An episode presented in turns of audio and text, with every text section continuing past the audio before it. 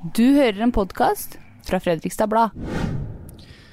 Den ene har vært eh, en av byens mest eh, folkekjære artister i 30 år, og den andre blir eh, omtalt som Facebook-prest. Begge ble mødre i ung alder. Begge har svevd mellom liv og død, men bare én av dem liker fiskeboller i hvit saus. Dette er Fredrikstad Blads nyhetspodkast Hør her. I studio sitter Ranne Christoffersen og meg, René Svendsen. Velkommen til oss, Kari Mangerud Alsvåg og Marianne Antonsen. Takk. Jeg må bare le nå av de fiskebollene. Ja, men vi tilbake til for jeg vet at jeg liker det, så det betyr at du ikke liker det, Kari. Eh, Gratulerer med ny jobb, Kari, Tusen takk. som ikke liker fiskeboller. Mm, det er meg. Eh, hva blir din viktigste oppgave som domprost i Fredrikstad? Ja, det er mange viktige oppgaver, men jeg tenker at det viktigste er å, å, at jeg er en regional kirkeleder, sånn at jeg kan være med og, og profilere kirken og være med å lede kirken dit hvor jeg tenker at den bør gå. I samarbeid med alle de som jobber og er aktive i kirken her, og ikke minst på oppdrag fra biskopen, som jo er min nærmeste leder. Hvor mener du kirken bør gå? Jeg mener at kirken bør være åpen og varm og nærværende i menneskenes liv. Den bør gå dit hvor menneskene er. Hvor langt unna er man i dag? Eh, man er ganske nær, og nær sammen, tenker jeg. Mm. Vi skal snakke mer om dette her, men sånn aller først, så vi blir litt mer kjent. Kan dere beskrive hverandre med tre adjektiver hver? Begynner du? Du trakk pusten, vil du begynne? Ja. ja, ja, ja. Jeg er vennlig. Mm. Eh, engasjert. Eh, og uh, dyktig. Å, Lunnuten, som vi sier i Fredrikstad. Ja, men det var koselig, Kari. Men jeg kan jo sende nesten de- nøyaktig de samme orda tilbake. Men, eh, men jeg ser jo at Kari er eh, varm, og hun er raus, og hun er klok. For dere har ikke kjent hverandre så lenge. Nei, Nei, vi har ikke det. Vi, eh, vi falt for hverandre i mars. Ja! like før korona kom.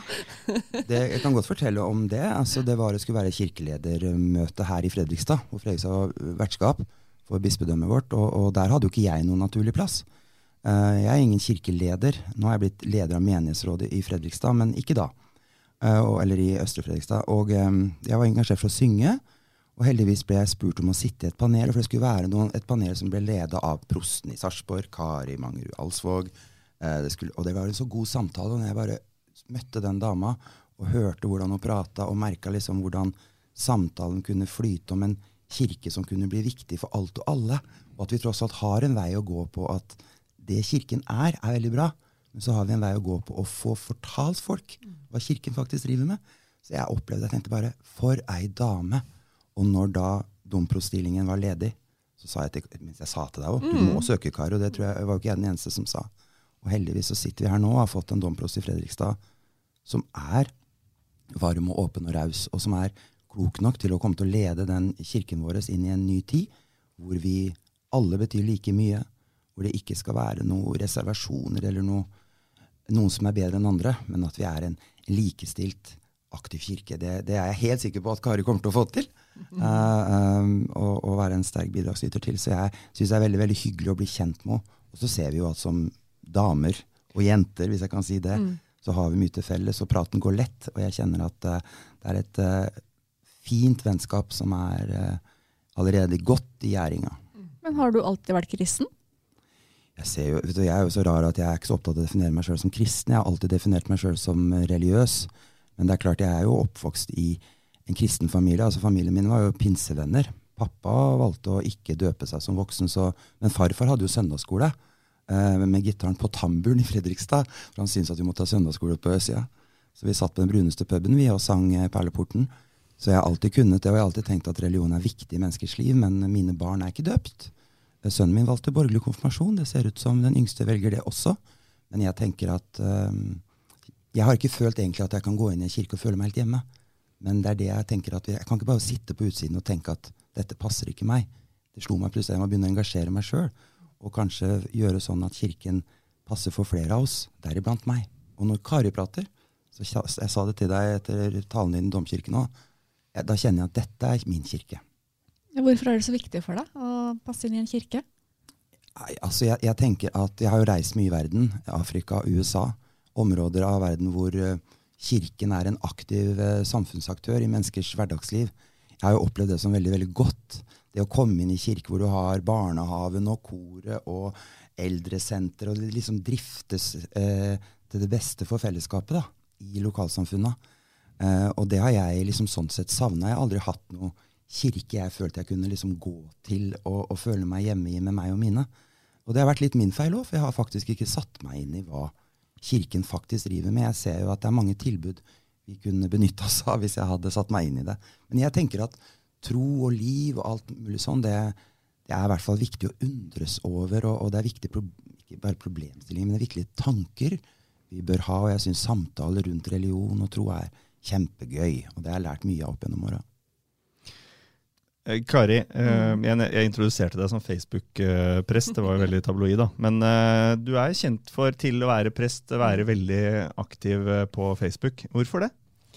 Nei, det, det er jo knytta opp til det som jeg sa om hva jeg tenker at kirken skal være, og hvor den skal være. At jeg tenker at kirken må være der hvor folk er.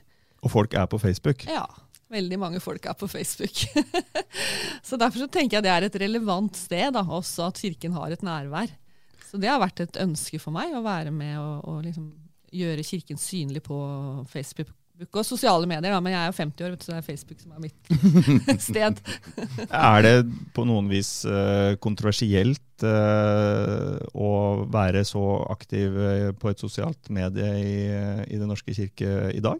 Nei, det er, det er, ikke kontroversielt. Men det er jo ikke sånn at alle føler seg bekvemme med det, ikke sant? eller ønsker å, å gjøre ting på den måten. da, som som jeg har gjort, og som flere med meg har gjort etter hvert. ikke sant? Vi er jo mange, mange som gjør det nå, og som er der.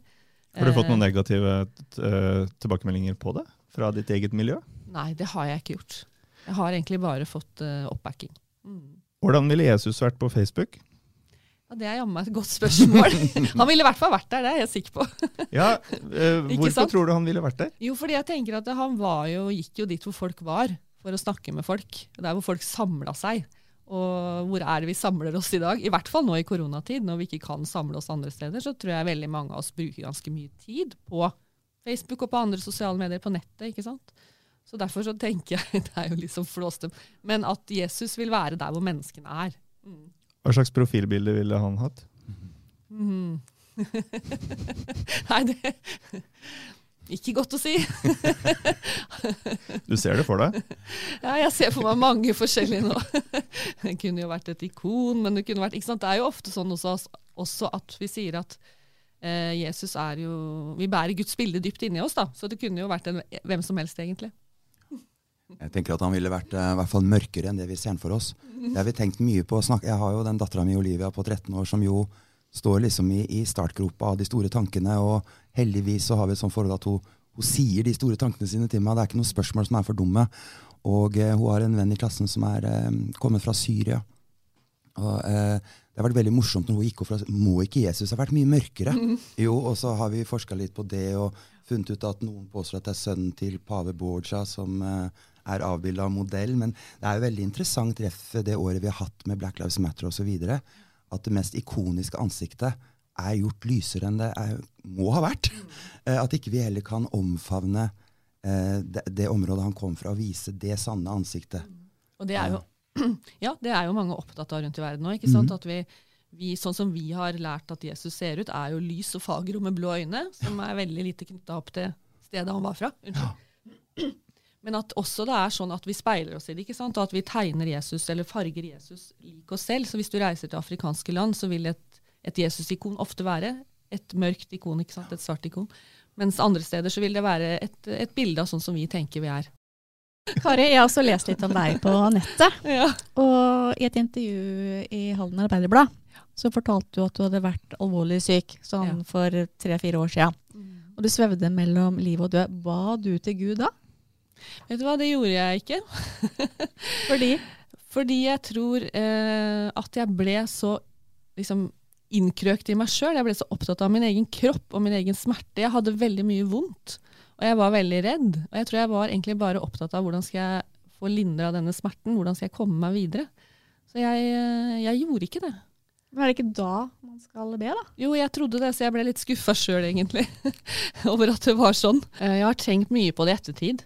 Det har jeg virkelig. hva var det egentlig som skjedde, hvorfor ble det sånn? Og jeg tenker at det kanskje er det ultimate uttrykk da, for at når du er, er eh, på dødens rand, så er, du, så, eh, så er det andre som bærer deg. Og du, og du, slipper å bære deg selv. da, Slipper å stå for den bønnen selv. Mm. Og på nesten samme tid, Marianne, Ja. eh, hva fikk du påvist svulst i lille- lillehjernen? Ja. Ba Jeg du ba- til Gud? Ja, jeg, jeg, ba, jeg har alltid, alltid bedt mye. Eh, Og jeg har jo alltid bedt om at hvis barna mine får noe, la meg få det isteden. Og jeg følte meg jo på en merkelig måte bønnhørt. Jeg tenkte at nå tar jeg en for laget. Eh, Men, men ja, jeg, jeg, eh, jeg var jo rasende på i perioder òg. Rasende på Gud? Ja, rasende på hvorfor i all verden jeg måtte stå i dette. Jeg husker veldig godt en biltur hjem fra Oslo en ukes tid før operasjon. Jeg hadde vært og liksom hatt en sånn tekoppkveld med gode venner. Og da var jeg bare sånn helt sånn oppgitt. Og du, du, du ber og du ber. Og jeg, men jeg føler jo, følte jo da at de bønnene ga meg en ro inn i, inn i alt. At det er en plan. Ok, jeg er en del av den planen. Og så må jeg gi meg over til det. Og det har jeg alltid tenkt i livet mitt. Det er sånn Hvis jeg står i bilkø og ikke rekker det jeg skal, så tenker jeg ja, da skulle jeg ikke rekke det, da. ikke sant? Kan- altså, Men er du helt frisk i dag? ja, det er jeg jo. Jeg har jo akkurat nå har jeg ingen svulst som vokser i hodet mitt, så de skavankene jeg fikk etter forrige runde, dem, dem håndterer jeg. Jeg føler at, eh, som vi har snakka om før, du og jeg òg, det er jo litt kortere batteritid og alt sånt, men, eh, men ingen tar fra meg engasjementet mitt, kjenner jeg. Har egentlig ingenting å klage på. Men begge to har stått midt oppi en krise, da. Mm. Er dere redde for å dø? Nei, jeg er ikke jeg tror, ikke jeg tror ikke jeg er så redd for å dø. Jeg, var veldig redd da, men jeg var veldig redd for smerten og veldig redd for å liksom forlate det rundt meg. Eh, og jeg lå på sykehus, og det var et, eh, et, en, et, eh, en sykehustabbe rett og slett, som gjorde at det gikk så gærent. Så var, det var så overraskende det hele òg. At det skulle bare være et enkelt lite inngrep, og så endte det med en veldig lang sykdomsperiode. Eh, så jeg var veldig redd for smerten. Jeg tror jeg var det jeg var mest redd for da.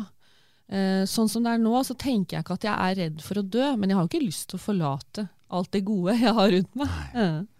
Det, er jeg enig med deg i. Altså, jeg heller finnes ikke redd for å dø, jeg, altså, sånn sett, men jeg er jo fryktelig redd for å dø fra. Eh, dere er jo mødre begge to, og dere ble mødre veldig unge. Uh, er det en fordel å bli mødre så unge som dere ble? Ja, jeg har tenkt at det er det, da. Fordi For du var 23. jeg var 23. Jeg tenker at jeg, Hadde jeg blitt mamma da jeg var 33 for første gang, så tror jeg jeg hadde vært mye mer nervøs og mye mer redd for hvordan ting skulle gå. Var såpass ung så man bare gjorde ting. ikke sant? Det her går jo bra, dette er et barn, det tåler mye, vi har det gøy sammen. Jeg syns det fungerte fint. Og det er jo hyggelig nå å være ung og ha da, være relativt ung og ha voksne barn. Ja. Mm. Ja, Det har vi jo snakka mye om, Kari og jeg. Altså, vi, vi, vi har gleden av det å få lov til å være tett på unge voksne, som barna våre er. Det er jo fabelaktig. Men jeg har jo opplevd begge deler. Thomas da jeg var 21, og jeg fikk Olivia da jeg var 37 nesten. Så du har helt rett. Du blir mer hysterisk og mer redd jo eldre du blir. Når du er ung, så er du fritatt for vettet, egentlig, og bare kjører på. Men, men eh, det å ha, ha disse mm, voksne menneskene rundt oss, det er for meg i hvert fall, så tenker jeg at jeg elsker den generasjonen unge mennesker. Vi må lytte mer til dem. Jeg eh, ser i samfunnet i dag hvor liksom på politikken eksempel, hvor Rødt kommer og har en stemme, og så sitter Arbeiderpartiet, mitt parti, og, og vil ikke høre på. Så tenker jeg dere må jo forstå at dette er den unge generasjonen. må skape plass, må lytte, og vi må lære. Og jeg tenker at de, Den unge generasjonen de utfordrer jo kirken også. ikke sant? Og utfordrer den, til den åpenheten. Da, fordi de lever jo mye mer med et mangfold av gjort over eh, liksom tett på seg hele tiden. Og forholder seg til at mennesker tenker ulikt om religion. Kirken i Norge har jo vært en maktfaktor og liksom en enerådende på det feltet, nærmest. ikke sant? Med noen frikirker ved siden av seg. Men nå er det jo liksom andre religioner får større plass. Verden kommer tettere på, og den oppvoksende generasjonen vet jo mye mer om det å leve i et mangfoldig samfunn, også religiøst. da. Hvordan skal vi forholde oss respektfullt og ordentlig til hverandre? Og ikke, ikke la det at vi tilhører ulike religioner bli til konflikter, men heller bli til noe som kan bringe fram det gode i hverandre. Da. Det tenker jeg er et stort ansvar. Som, og der må vi lytte godt til de som eh, kjenner det der mer på kroppen enn vi som er 50 år gjør. Men nå- nå som dere i Norske kirke er nødt til å kaste ut eh, alle som ikke er eh, døpt, Mm. eh, hva kommer det til å gjøre med, apropos den, de yngre generasjoners påvirkning på det religiøse livet, eller det kristne religiøse livet i Norge framover? Det blir jo spennende å se hva det vil bety, at vi liksom har eh, et register som er litt slankere enn det har vært. Det er jo ikke så dramatisk som det kan høres ut som. for Alle som er døpt, står jo i medlemsregisteret og blir invitert til alt som skjer i kirken. Og alt er jo åpent for alle, og jeg tenker at det er redelig og, og fint at det blir mer og mer uh, gjenspeiler liksom, virkeligheten. Og det er jo litt sånn som Marianne forteller, at hennes barn er ikke døpt. ikke sant? At mange tenker at vi vil la barna velge når de blir religiøst myndige, 15 år, og at de syns det er best at man får velge på den måten. Så tenker andre vi døper de, og så kan de velge det bort når de blir eldre. Men jeg tenker at det er helt vesentlig at Kirken også eh, liksom venner seg til og klarer å leve i dette at man ikke er på samme måte en majoritetskraft ikke sant, som kan si vi, vi, eier, vi er store, vi eier. Men at vi også må forholde oss godt til det store mangfoldet. Og det syns jeg vi begynner å bli ganske gode på, rett og slett. Men som ansatt i kirken, da, så det er jo ikke noe gøy å måtte, miste medlemmer eller uh, abonnenter, som det har vært Nei, i vår verden. Ja. da, ikke sant? Nei, det er Man helt vil sant. jo helst ikke at det skal skje. Vil helst ikke at det skal skje, selvfølgelig. Og dette er jo tilhørige ikke sant, som har foreldre. da, En av foreldrene er medlem, så har de da blitt registrert i i Den norske kirkes lister som tilhørige. Uh, og det er det som er borte. Så det er en 117 000 som er strøket av 3,5 millioner, så det er fortsatt noen igjen. som vi kan nå fram til. ja, og så er jo noe med at vi, vi snakker liksom om uh, daukjøtt, egentlig. Jeg opplevde det i Grammofonartistenes forening, som jeg leda i mange år. Når jeg kom inn, så var vi 6000 medlemmer. Og jeg kunne ikke forstå at vi var 6000 plateartister i Norge, og det var vi jo ikke heller. Men det var jo folk som hadde meldt seg inn en gang, og som ikke var aktive. Og jeg gikk jo bestemt inn for å redusere medlemsmassen. Nei, det er ikke gøy, for man får en del fordeler basert på størrelse. Men det å tørre å si vet du hva, nå skal vi heller ha en aktiv medlemsbase som representerer vår. Så jeg tenker, for kirken da, Det som jeg liker med Kirken og Det er ikke noe rart jeg liker Kari eller hører oss noe prater, men, men jeg tenker på mine barn da som ikke er døpt. Jeg har likevel alltid følt at Kirkens tilbud også er for dem. Og Apropos aktivitet i kirken, da. For vi kan jo dessverre ikke komme utenom å snakke om korona. Eh, dere har fått med dere det som skjer? Ikke sant? Det har vi fått med oss. altså, uh, kirken har jo blitt uh, hardt ramma av uh, koronasmitterestriksjoner. Ja. Uh, pga. kirkebenkenes fysiske utforming. Vil denne pandemien her føre til ombygginger i kirkerommet framover, tror du, Kari? Nei, jeg tror, jeg tror, ikke det. Jeg tror vi bare venter på at dette her skal gå over. Vaksinen skal komme, og vi kan leve som normalt igjen. Så, det hjelper jo... ikke med tro nå, du vet det. Nei, det er sant. her er det viten som gjelder. Ja, nei, Kirken vil nok se sannsynligvis lik ut inni husene sine, også når eh, pandemien er over. Så, men det er klart, det er, det er jo tungt for kirkene rundt omkring i landet, og for folk, at man nå bare kan være 50 uansett hvor stor kirken er. ikke sant? 50 mennesker i domkirken, det er plass til mange flere, med fortsatt god avstand. Men vi, må, vi tenker at vi må forholde oss til det som blir eh, bestemt, og nå er det sagt veldig tydelig at eh, fastmonterte kirkebenker er ikke fastmonterte stoler. Så da må vi gjøre det beste ut av det. Har du hatt uh, politifolk på besøk for å sjekke Nei, vi har ikke det. Det hadde jo nesten vært litt gøy, men vi har ikke det. altså. um, og så er det sånn at eh, Svært mange smitteutbrudd både i Norge og verden ellers har vært knytta til religiøse samlinger og miljøer. Mm. Hva skyldes det? Altså, sånn Lokalt i Sarpsborg og Fredrikstad fall, så tenker jeg at mye av det kan skyldes Det er flere ting det kan skyldes, men jeg tenker at sant, når du spør hvordan er det i kirkene, hva har dere der, så tenker jeg kirke, vi, som, vi har svære kirker. Vi har store rom. Vi har gode muligheter til å ha godt smittevern. Mens mange av våre medborgere da, som tilhører andre religioner, kanskje særlig muslimene, har veldig dårlige lokaler, hvis de har i det hele tatt. Og dette er noe jeg har liksom ivra for over tid, at man må sørge for at de får ordentlige lokaler å være i. Og når de ikke har det, så blir det mye, mye vanskeligere å overholde smittevernreglene. Og så handler vel kanskje noe om språk, og så kan det kanskje noe om tillit til myndighetene.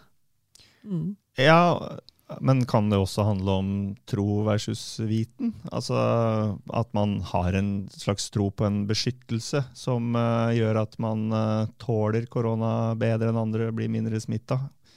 Er det Det relevant? jeg, jeg Det håper jeg da ikke. Nei, det tror jeg ikke. Og jeg tenker fra, fra de eh, landene mange av dem opprinnelig har kommet fra, eller familien deres har kommet fra, så er de jo kjent med at ulike rammer både religiøs og ikke-religiøs og sykdom. Så jeg tror egentlig ikke det. Og, og så har du, altså Jeg kan jo lett relatere meg til eh, kirkesamfunn. Det å være en arrangør av et evenement. da. Ja.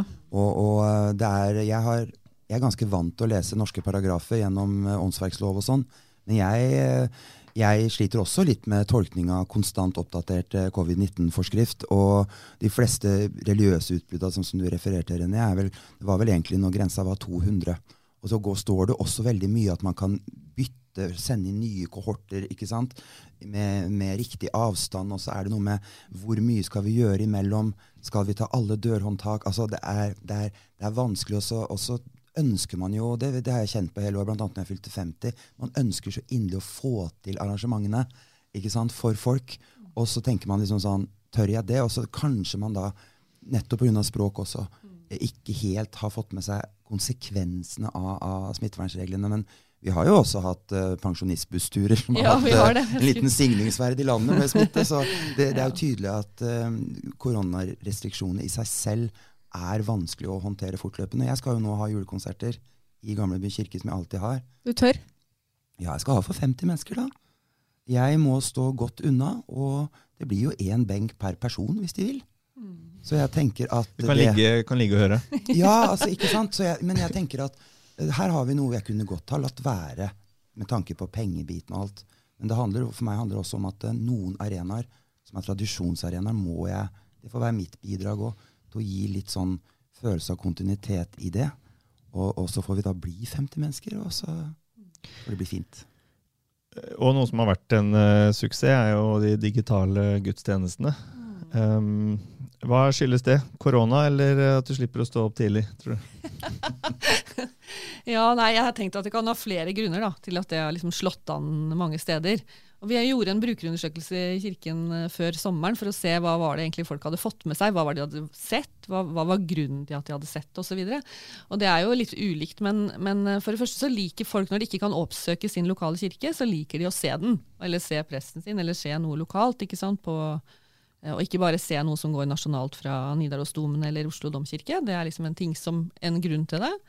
Og så tror jeg det at, også det der at når vi kommer i en krise, så er vi jo vant til at vi kan gå til kirken og tenne et lys, sette oss i fred og ro. Det er jo veldig, sånn, veldig rart at når krisen rammer, ja, da låser vi dørene til kirken. Ingen får komme inn.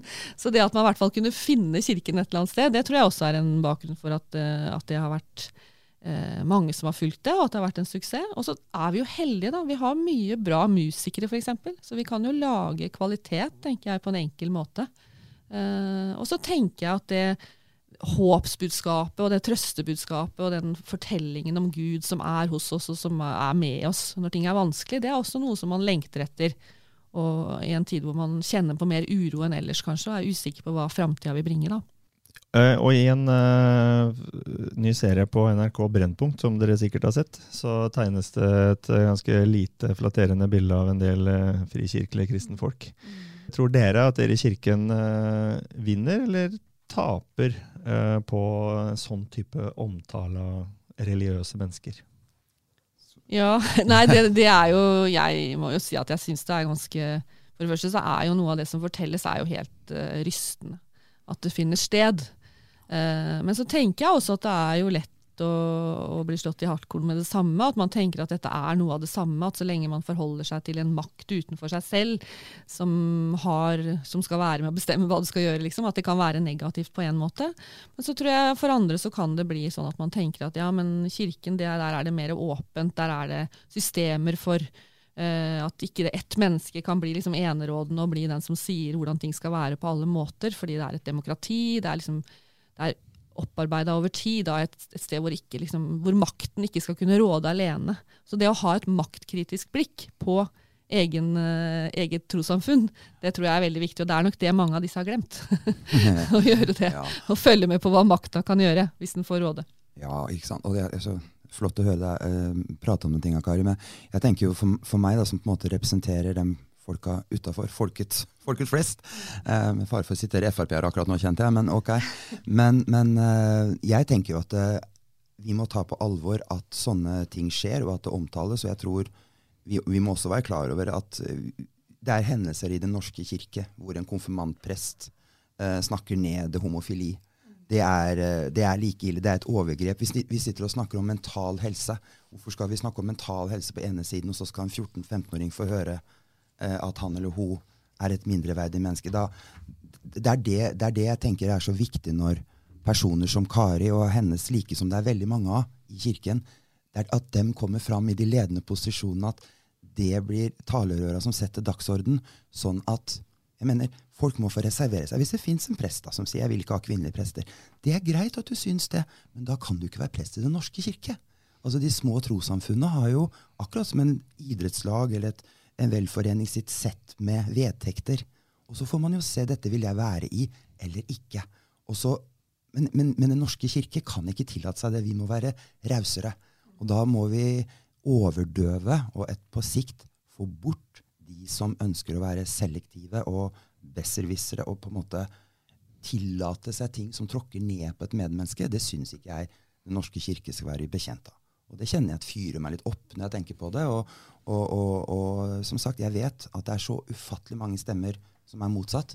Men disse negative stemmene høres jo veldig godt når dem kommer. Og, bra er det. Så blir vi klar over dem, og så får vi tausa dem. Ja, så tror jeg jo at det er akkurat det som Marianne snakker om nå, om eh, enkeltprester som, som, tillater seg å stå på prekestolen og, og fordømme eh, ulike ting, det er mye mer krevende for Den norske kirke enn at det som mange ser på som sekter og som, uh, ja, som utskudd, på en måte, at de blir belyst, at, hva som skjer der. Så der, jeg tenker at der er det veldig bra at vi har et system da, for at man kan adressere det, og at det kan bli eh, en endring. Det er jo det vi håper hele tiden, at det skal bli en endring i god retning. Får du ofte spørsmål om hvordan du stiller deg til homofili, Kari? Nei, det gjør jeg veldig sjeldent. For jeg tror at dette har veldig raskt blitt sånn at man, eh, man antar at i kirken så er vi åpne for det. Mm, så det er veldig sjelden jeg får det spørsmålet. Men det har jo sikkert også med å gjøre at jeg har flagga ganske tydelig hva jeg mener. Yeah. for du sto midt i stormen for et par år siden i Halden? Ja, jeg gjorde for så vidt det. Jeg gjorde det, Og det var jo i 2017, når det ble vedtatt på kirkemøtet at uh, vigsel av uh, to av samme kjønn også skulle kunne skje i kirken, så snart vi fikk en liturgi på plass, så uttrykte jeg ganske tydelig min glede over det. Uh, men det er jo ikke alle prester som er enig i det, og sånn som det ligger i dag, så er det full anledning til å si at man ikke vil gjøre det. Uh, ja, for da, du hadde ansatte som Ja, jeg hadde ansatte som mente det samme. Og det vil man ha, tenker jeg, som uh, prost. da. Ja, når du har ansvar for en 15-20 prester, så vil noen av dem mene det. Og noen mente at jeg ikke ivaretok på en måte den, eh, det synspunktet da, på en god nok måte. Og det er, det, det er, helt legitimt å kritisere meg for det. Jeg skal ivareta alle mine ansatte. Eh, men det er også veldig viktig for meg å si at jeg var veldig glad for det. Jeg var veldig glad for det. At nå kan man også gifte seg. To jenter eller to gutter i kirken. Hvordan ser den perfekte kirken ut for dere? Sånn kort? Den perfekte kirke! ja, ja, det var eh, kort, Fastmonterte seter. Mm, fastmonterte seter med armlener imellom, nummererte stoler. Nei, at den, den, perfekte kirke, det viktige er jo på en måte at eh, Eller noe av det vesentlige for meg er at den er åpen. Og da tenker jeg liksom begge veier. Man kan gå inn og man kan gå ut. Og de som er, uh, representerer kirken, også går ut blant folk. Mm. Da du gikk ut og fortalte at du var syk, Marianne, så spurte mm. jeg deg hva som sto på bucketlista di. Og Da svarte du flere fiskebollemiddager. Ja, dem har jeg fått. Og så har jeg lest at det er det verste du vet. Ja, Tenk deg det. det stemmer. Skal jeg, skal jeg, toppe det hele, Kari, med å si at i vår familie når vi da spiser fiskeboller, så har vi jo revne gulrøtter ved siden av, men vi har også tyttebærsyltetøy. Ja, det, det har jeg hørt at vi er ganske alene om. Ja, nå ser René rynke på nesa. Men, men, det er liksom helt utenkelig å spise fiskeboller uten, uh, uten tyttebær. Vi har alle vårt. Ja. Sånn helt til slutt, er dere ferdig med julekalenderen, da? Vi er ikke ferdig. Vi, ikke ferdig vi holder på. Vi veldig, har veldig mye is i magen begge to, så dette tenker vi at skal gå bra. For dere har et mm. prosjekt, fortell. Mm. Jeg synes jo, i og med at Kari da, som er kjent som Facebook-pris, men nå er jo en kommunikatør av rang og, og, og er, er, vant å, få med seg folk gjennom de mediene. og Jeg, jeg var litt sånn sjokkert når, nå Kari har kommet til Fredrikstad, så sitter jeg og ser på Kirken i Fredrikstads nettsider, og hun er liksom ikke der. Og så sier jeg til folkene vi må jo få Hvor er Kari? Hun må jo få syns. Folk må bli kjent med henne. Og, og når vi da har våre møtepunkter, så var det liksom, kom det opp den ideen Kari hadde om julekalender, og så begynner jeg å tenke litt med henne, og så får vi da den ideen om at en daglig luke. Og På Facebook? Med, uh, ja, og nettsted. Og, og dere i Fredrikstad Blad kan linke til en, f.eks. Det blir fint, vet du. Og så um, at det da er, ligger hilsener der fra Fredrikstad-folk, fra kirkens folk i Fredrikstad.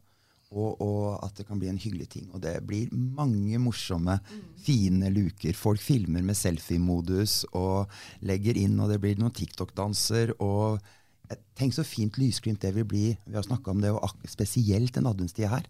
Tror du det skal bli god variasjon? En liten sånn gave til Fredrikstad-folket hver dag håper vi at det skal være. Det blir ikke bibelvers? Det blir ikke bibelvers, det blir ikke lesing fra Bibelen.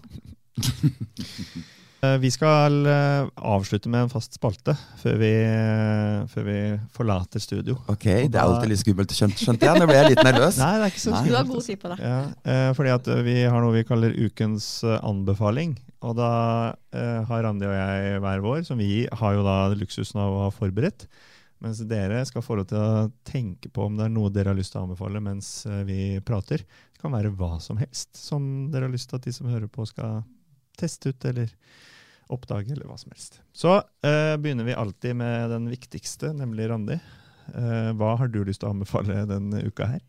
Eh, det er jo mange juletradisjoner som blir avlyst, uh, så jeg har tenkt å innføre nye hjemme hos oss. Det er ingen hjemme hos oss som vet det nå, så følg med her. Vi skal begynne å lage pepperkakejuletre. Å, nå ble Henning glad. Skikkelig glad. Masse stjerner som skal bygges opp i et stort tre, og masse melis. For da er greia at skal du lage pepperkakehus, så blir det alltid skeivt, det er alltid vanskelig, det blir alltid krangel. Men det tre, det tror jeg kan bli helt fantastisk. Så det skal vi gjøre. Håper jeg. Da er det bare å få på seg forkleet og gå i gang. Eh, vi har ikke snakka om det forhånd, men jeg er også liksom juletema på min anbefaling. Og det, eh, det, er egentlig en anbefaling som jeg da har stjålet fra en eh, kollega, fra Julie, som jobber hos oss. Eh, som fortalte meg om dagen at hun, de har tradisjon for å ha en sånn uh, jentesamling før jul. Og så går ikke det nå, så da skal de gjøre det på et eller annet Teams eller noe tilsvarende. Og da har hun gitt uh, oppgaver på forhånd, sånn at uh, den ene skal forberede en liten julesang, den andre skal lage en quiz, og så er det en som skal uh, ta de andre med på en liten juledekorasjon osv. Og, så videre. og så er det en som har uh, ansvar for skålinga. Det var Julie, tror jeg, forresten, som skulle ta den. Uh, Enkleste. Ga seg sjøl den beste oppgaven. ja. Men det syns jeg var en veldig fin idé. det er jo mange kreative sånne ting som har vært gjort nå, men akkurat det tror jeg blir en hyggelig fredagskveld hjemme hos Julie, og hos alle andre som har lyst til å teste det. Ja, absolutt. Så da lurer vi på, da, Kari og Marianne, har dere kommet på noe dere har lyst til å anbefale? Altså jeg føler jo Det umiddelbare anbefalingen ligger jo at folk daglig tar seg tre-fire minutter til å klikke innom julekalenderen til Kari og folket i byen. For det tror jeg blir en hy hyggelig liten to do-ting hver eneste dag, som en kalender er ment å være. Men, men ja, det, det, med å finne andre måter å få samvær med sine på, det er jo selvfølgelig Men jeg, kan jeg få lov til å bare anbefale, når det blir som tausest og, og mørkest i eh, advent, så, så, kan man godt lytte på litt rockemusikk eller noe som ikke er utafor det vanlige. Eh, og da kunne jeg godt sagt sønnen min, i tillegg til alle disse julesangene.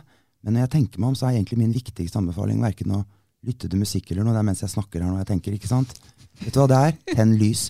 Tenn nok lys i år. Altså, Vi er blitt flinkere i Norge til å og ha lys på trær og hus osv. Jeg tror i år så får vi ikke nok lys. Jeg gleder meg nå til søndag når lysa skal opp på buska ved trappa og videre.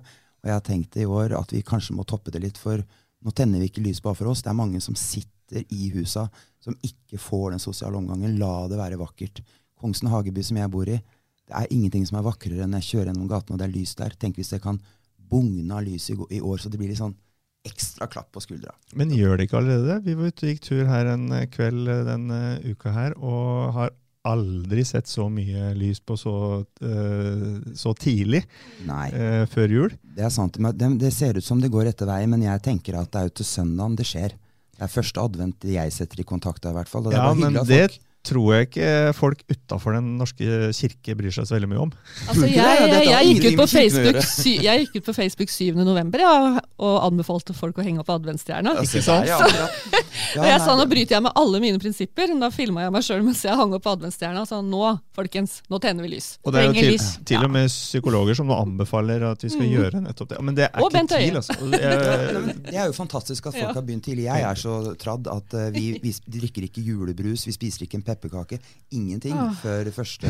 desember, egentlig, så vi sliter litt i år med at første advent er eh, Vi ser på sånne romantiske julefilmer og på Netflix, det er helt topp. Men, men eh, at, at det har begynt tidlig, ja, det er supert, men vi kan ikke få nok, tenker jeg. Og la oss håpe at eh, desember lyser opp enda mer, og så lar vi lysa stå ut til det nye, nye året. I de veldig mørke månedene vi har foran oss da, januar og februar. La dem få det samme lyset som desember har i seg. Og de nye strømsparende LED-pærene de er altså så hvite. Så det, det blir Kjøpe varmhvit, da. Ja, Men, selv men hvit selv varmhvit er kritthvit. Okay. Men Marianne, vær litt gæren nå. Dra hjem, lag fiskebollemiddag og julebrus. Nei, altså det, det er så Før gærent 1. kan jeg desember. aldri være. Altså. Det får jeg ikke støtte for hjemme. skjønner du. Julebrusen skal ikke opp av boden før, eh, før til tirsdag. Kari, har, har du lyst til å anbefale noe? Ja, nå har jeg veldig lyst til å anbefale. Ta, ta noe på forskudd, har jeg lyst til å anbefale nå.